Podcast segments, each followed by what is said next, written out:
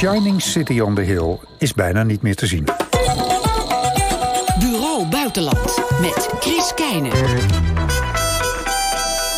Goedenavond, welkom bij Bureau Buitenland. The Shining City on the Hill, zo noemen de Amerikanen... in navolging van de dichter John Winthrop en Ronald Reagan... hun democratie graag.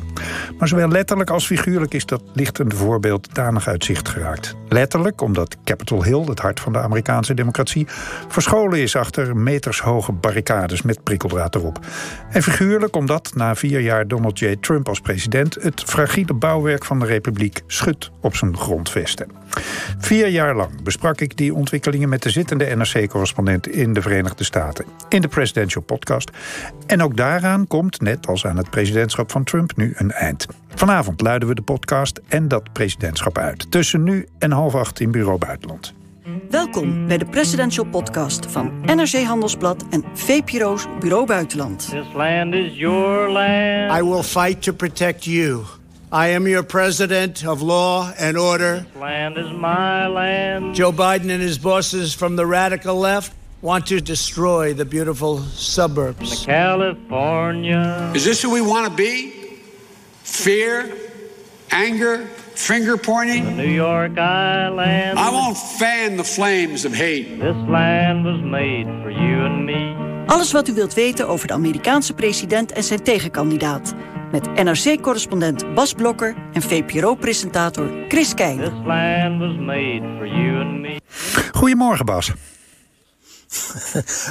Goedemiddag, Chris. Het lijkt wel eh, de Presidential Podcast. Ja, zo zijn we twee jaar lang onze tweewekelijkse Presidential Podcast begonnen. Nadat ik dat eerst al twee jaar lang, vanaf 16 maart 2016, deed met jouw voorganger, Guus Valk. Ja, en aan dat feest van inmiddels 109 afleveringen komt een eind, Bas. Ja, ja, nou, dus ik ben blij dat je het zo noemt. Ik heb het ook eh, eh, heel, eh, heel feestelijk gevonden. Al waren de onderwerpen waarover we spraken niet altijd even vrolijk. Nee. Nee, want ja, ons uitgangspunt was altijd de opmerkelijke kandidatuur... om te beginnen van Donald J. Trump en daarna diens, om, diens voor onze onverwachte uitverkiezing... en daarna dus een opmerkelijke presidentschap. Ehm, maar ja, na de inauguratie van Joe Biden aanstaande woensdag... eh, moesten we daar dus ook maar een punt achter zetten. Niet dat er natuurlijk geen gevolgen zijn van dat presidentschap... en daarover spreken we zo meteen ook door met twee andere gasten in deze uitzending. Maar eerst even, ja, die inauguratie van woensdag, Bas. eh, Washington is na de gebeurtenissen van 6 januari in een vesting veranderd. Hoe is de sfeer bij jou?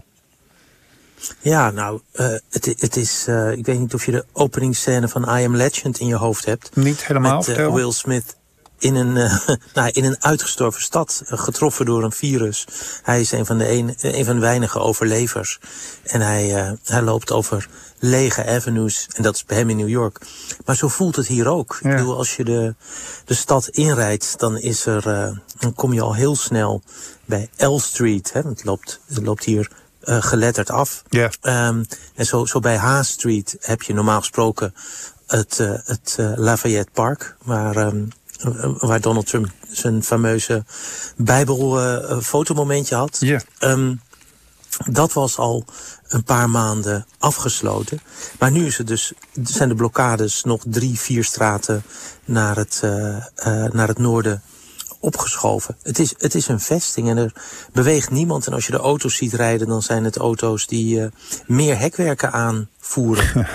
Ja, nou waren er voor gisteren ook al allerlei oproepen voor demonstraties en nieuwe bestormingen van overheidsgebouwen in alle hoofdsteden van alle 50 staten. Maar dat, dat is een behoorlijke natte voetzoeker gebleken, hè, of niet?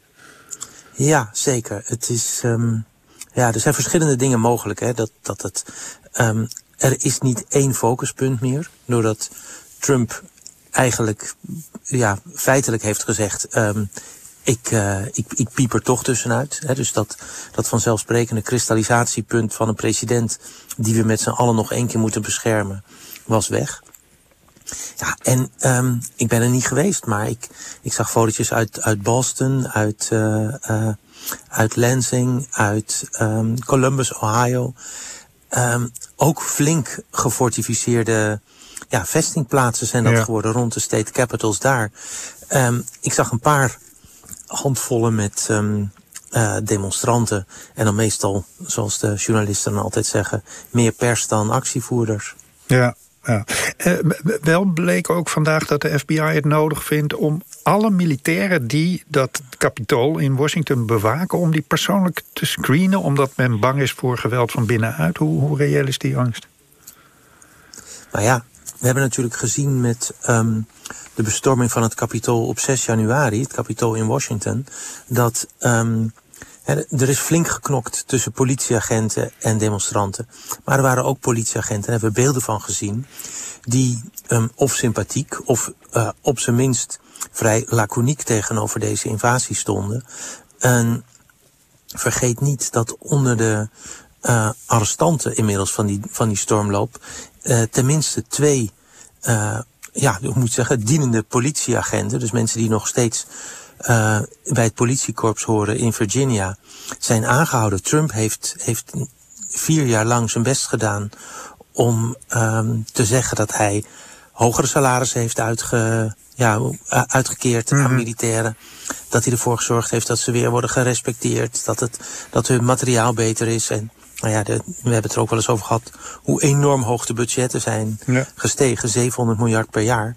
Um, hij wilde ze echt te vriend houden. Uh, het is uiteindelijk niet gelukt. In elk geval niet op het hoogste niveau. Nee. He, want we hebben onlangs een brief gezien van de, uh, uh, van de hoogste militairen en van hun voorgangers.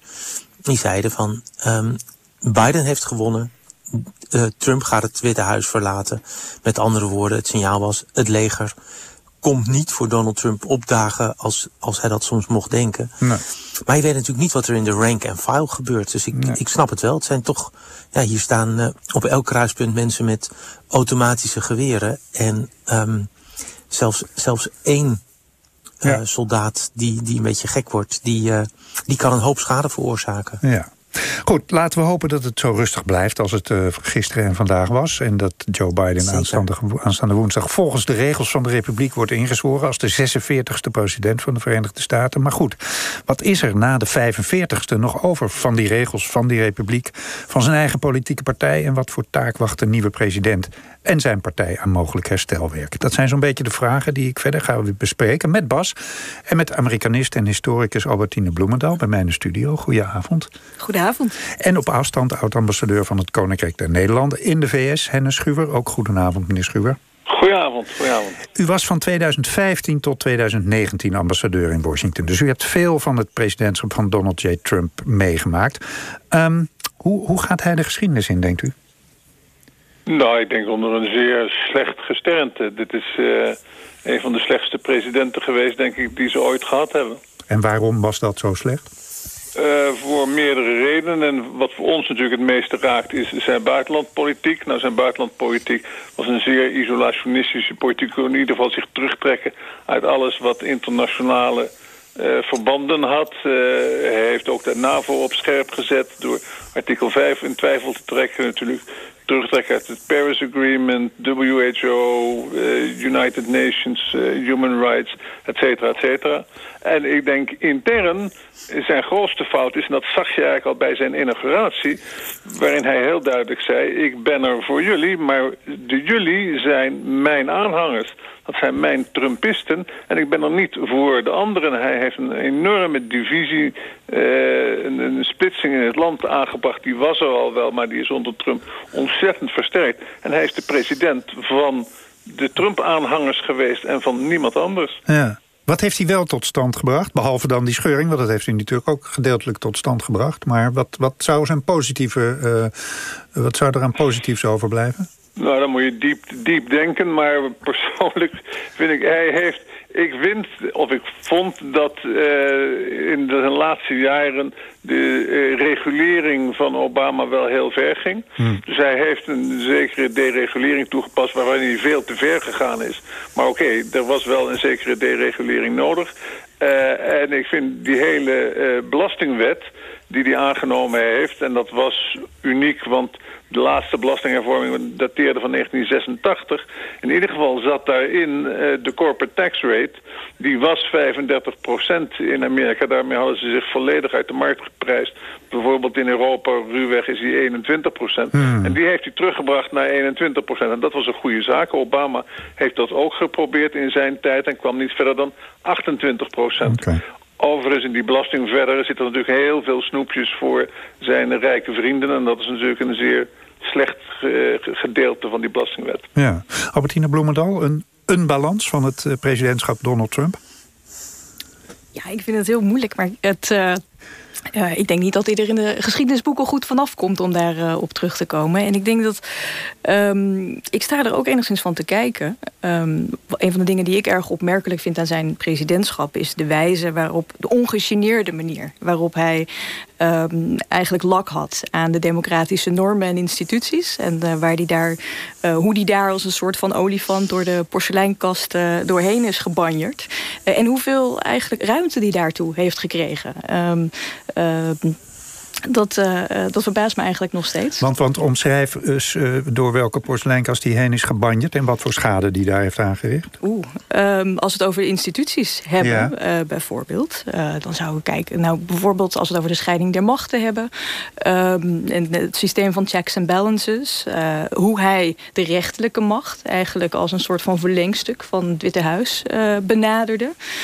Heel om een concreet voorbeeld te geven, de situatie met Roger Stone, een van zijn vriendjes, eh, de dirty trickster eh, achter, tenminste een van de eh, tricksters, fixers achter de Republikeinse Partij, waarin Donald Trump zich als president ja, heel duidelijk en direct bezig hield met de rechtspraak. Ehm, hij werd. eh, ehm, toen duidelijk werd dat hem een gevangenisstraf van zo'n 7 tot 9 jaar boven het hoofd zou hangen, eh, heeft Donald Trump daar boos over getwitterd of getweet.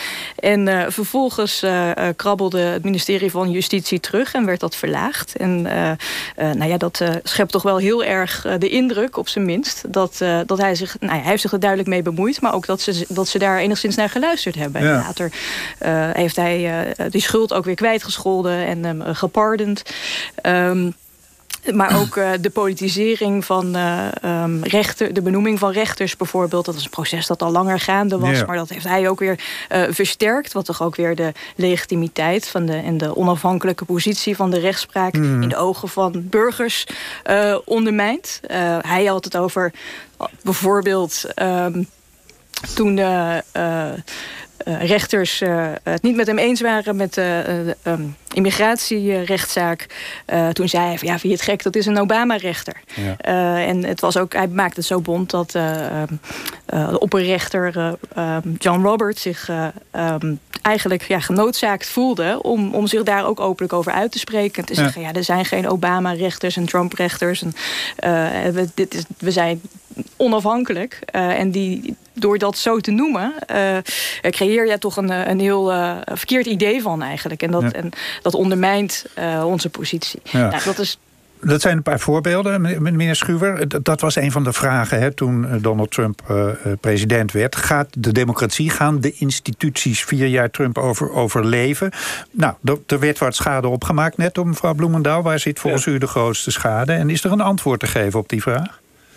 Nou, ik denk dat de grootste schade en de schade die het langst bij ons zal blijven, die heeft ze al aangeduid, en dat is de rechterlijke macht. Eh, de, eh, de, de drie nieuwe benoemingen in de Supreme Court, allemaal zeer eh, conservatief en eigenlijk niet meer vertegenwoordigend eh, het merendeel van het Amerikaanse volk. Kavanaugh is eh, uiteindelijk verkozen naar een 50-50 in de Senate. En die 50% in de Senate die voor hem was, vertegenwoordigde 28% van het Amerikaanse volk. Dus ik denk dat je een zeer conservatieve Supreme Court heeft. 200 federal judges benoemd. Die mensen zijn allemaal voor het leven benoemd. We hebben nog 20, 30, misschien wel 40 jaar lang... Ja. hebben we met deze mensen te maken... Dan schuiven ze wel een beetje op, maar ik denk dat dat zijn, zijn de legacy is die ons waarschijnlijk nog, of ons, de Amerikanen, uiteindelijk het meeste pijn zal doen. Ehm, ik denk dat je met name in het buitenlands beleid zal je nog eventueel wel wat kunnen herstellen. Eh, en ik denk dat Biden dat ook heel snel zal gaan doen. En ik denk dat heel concreet wat er nu gebeurt, de hele pandemic, de, de, de, de, de corona. d- er wordt nu al voorspeld, we hebben misschien straks een half miljoen slachtoffers. Dat is voor een deel ook op het konto te schrijven door een, een, ja, een zeer lakse eh, aanpak van. eh, de Trump-administratie. En dat is natuurlijk heel concreet. Ik denk Ja. dat dat een heel stuk beter gekund had. Ja. Niet, niettemin, uh, de, u zegt ja, een kleine minderheid van, van dat, dat volk uh, wordt slechts nog gerepresenteerd in die, die uh, benoemingen. Ja. De cijfers in opiniepeilingen zijn best huiveringwekkend. Een grote groep Amerikanen die, die loopt nog steeds vrij blind achter de president aan. Dat is ook mijn ervaring. Inmiddels door alle leugens en de desinformatie... Ja. leven die mensen in zo'n andere wereld... dat er eigenlijk geen gesprek meer mogelijk is. Bas Hoe, hoe groot is dat gevaar? Want dat is na woensdag niet verdwenen. Nee, aan de, aan de gevaarkant van de erfenis van Trump... is dat, vind ik, het giftigste. Um, het, het idee dat... Um, dat er een forse groep Amerikanen rondloopt. Het zal zeker niet de helft zijn, maar, maar echt een, een flink deel van de Amerikanen. Dat denkt dat de waarheid die de meeste mensen waarnemen um, niet klopt. En dat die omgekeerd is. En uh, daar zitten allemaal hele zwaar beladen woorden bij. Um, uh, die, die, die allemaal een betekenis hebben gekregen voor die mensen. Zoals, uh, ik zeg maar, patriot of echte Amerikaan. Hè, waarmee ambassadeur Schuur ook begon uh, te zeggen dat Trump is van meet af aan president geweest voor de helft van de Amerikanen. Mm. Nou, die helft heeft hem gehoord. En ik geloof dat van die helft nog altijd 80 procent het liefst hem weer zou zien als uh, leider van de Republikeinse Partij. Ook na woensdag, na afgelopen woensdag. Ja, ja. ja uh, Martin Bloemendaal, dus er stond een vrij lang en, of, een lang en vrij duister verhaal van historicus Timothy Snyder in de New York Times. Die, die maakte de vergelijking met de zogenaamde dolkstootlegende. Na de Eerste Wereldoorlog werd in Duitsland het verhaal verteld door extreem rechts. Het zijn de Joden geweest die ons de, de, de nederlaag hebben bezorgd door ons, terwijl wij aan het vechten waren, een mes in de rug te zetten. Hij zei het duurde twintig jaar voordat daar Adolf Hitler en zijn bewind uit voortkwamen. Um, hoe lang kan bijvoorbeeld de leugen over de gestolen, verkiezingen in de Amerikaanse uh, uh, geschiedenis doorleven en, en zijn effect hebben, denkt u? Ja, ik ben historicus, ja. futurist, maar ik, uh, desalniettemin vind ik, ik deel de zorg uh, die hierover uh, zojuist geuit werd. Over de ontwikkelingen in het medialandschap die ook al langer dan Trump gaande zijn. En ik denk dat dat ook voor als Biden president is, uh, nog een hele grote uitdaging gaat worden. En het feit dat die mensen echt in een andere belevingswereld uh, leven. Uh, dat eh, Biden kan, kan doen wat hij, wat hij wil. En misschien dingen die uh, goed zijn ook voor deze mensen. Uh, maar dat die boodschap ook... de vraag is wat er, wat er echt bij die mensen terecht komt ja. van uh, wat Want Biden wil ervaring. Wat je, ook, wat je ook zegt, je bent lid van het establishment, dus wat jij zegt klopt niet. Nee, dat, dat is mijn ervaring niet. althans. Nee, ja, precies. En um, en wat hij zal zeggen en doet, dat wordt ook allemaal gefilterd en gespind door de media die bepaalde groepen mensen zelf kiezen te consumeren. Uh, en het beeld dat zij weergeven van die werkelijkheid. Mm -hmm. uh, ja, als, zolang als, als de Amerikanen het niet over uh, de gedeelde werkelijkheid en de feiten eens kunnen worden, wordt een gesprek heel moeilijk. Ja. en om, om, bij je vraag terug te komen. Um, ja, dit kan volgens mij, ik vrees dat dit nog heel lang door kan gaan. Want ik zie niet een directe oplossing van hoe je die mensen uh, die dat wereldbeeld hebben. Uh, en of dat beeld van wat er in Amerika gebeurt. En dat die nee. verkiezingen gestolen zijn, et cetera. Uh, hoe je tot hen door kan dringen. Nee, nee meneer Schuwer, dat, dat, dat wordt dan in eerste instantie toch het probleem van de Republikeinse Partij. Want daar, daar loopt die breuklijn ook doorheen. Hè. We hebben de laatste tijd natuurlijk meer mensen gezien die afstand nemen van, van Trump. Hoe, hoe, ziet u, hoe ziet u zich die partij ontwikkelen? Wat, wat, wat gaat daar gebeuren met de verdeeldheid binnen die partij? Nou ja, ik denk dat de partij een groot risico heeft om gesplitst uh, te worden. Ik zie niet in hoe straks uh, Ted Cruz en Mitt Romney door één deur kunnen. Die liggen mm. zo ver uit elkaar en hebben zulke nare dingen over elkaar gezegd. Dat wordt toch wel heel erg moeilijk. Politici zijn, zijn flexibel, maar dit is toch wel... Uh, dit, dit moeten slangenmensen worden, uh, wil dat nog kunnen. Uh, het probleem, en dat schetst mijn voorgangers ook al aan... is dat er een harde kern van de Republikeinen is... zegt dat dat 30, 40 miljoen zijn. Wil je ooit presidentskandidaat voor de Republikeinen worden... dan heb je die, stemmen nodig. Uh, en dat denk ik dat een reusachtig probleem voor de partij is. Dat alhoewel misschien straks Trump langzaam van toneel verdwijnt... Uh, en hij minder invloed heeft, uh, die invloed zal nog steeds... dat denk ik voor, voor meerdere jaren zo groot blijven... dat zij de Republikeinse partijkandidaat, de presidentskandidaat... Be, be, bepalen. En dat is natuurlijk heel erg lastig voor die partij. Ja, la- lastig. Eh, en, en als het tot een breuk komt in die partij... dan, ja, dan blijven er twee fracties over die tegenover een Verenigde Democratische Partij... niet zoveel gewicht meer in de schaal kunnen leggen. Dan, Is heb- dat, dan ben je je presidentsverkiezing kwijt. ja. is, is dat de eigenlijk wel wenselijk, partij, denkt u, eh, in het, in het Amerikaanse eh, politieke landschap? Dat, er, ja. Ja. dat de Democraten dan toch een heel groot voordeel krijgen? Ja, maar de, de Democraten zijn ook niet een één hechte partij. Ik denk ook dat eh, in wezen is het feit dat Biden nu zowel presidentschap als het congres eh, heeft, senaat en huis, is nog best lastig voor hem. Want dan zal een eis komen van de meer linkervleugel. Die zegt, nu hebben we alles en nu gaan we ook een, een, een veel progressievere politiek uitzetten. Da- daar is Biden niet de man voor eigenlijk. Eh, dus ik denk dat daar ook nog wel... dat gaat ook nog wringen in die partij... waarbij de eisen van links vrij hoog zullen zijn... en zeggen van god, we hebben de kans nu veranderen. Ja. Nou ja, da- da- dan, dan zijn we misschien, eh, Bas Blokker, bij het, eh, bij het laatste hoofdstukje van dit gesprek. Want de eerste die iets kan gaan veranderen is, is Joe Biden. Ik begreep dat hij van plan is om in de eerste twee, drie dagen van zijn presidentschap... zo'n iets van 100 executive orders, dat zijn een soort presidentiële, presidentiële bevelen... die ook trouwens langs het parlement heen gaan uit te vaardigen. Wat weten we daarover? Nou ja, nou, dat, eh, eh, één ding weten we wel. Eh, hij heeft gezegd dat hij op de eerste dag ehm, voor de naar schatting 11 miljoen illegale vreemdelingen die in de VS verblijven en die doorgaans werken en bij hun eh, bij familie of vrienden slapen om onder de radar te blijven, dat hij voor hen, zoals hij dat noemt, een pad naar het burgerschap wil, eh, wil uitbeitelen. En dat is interessant, want dat is voor de eh, Republikeinen een hele lastige kwestie.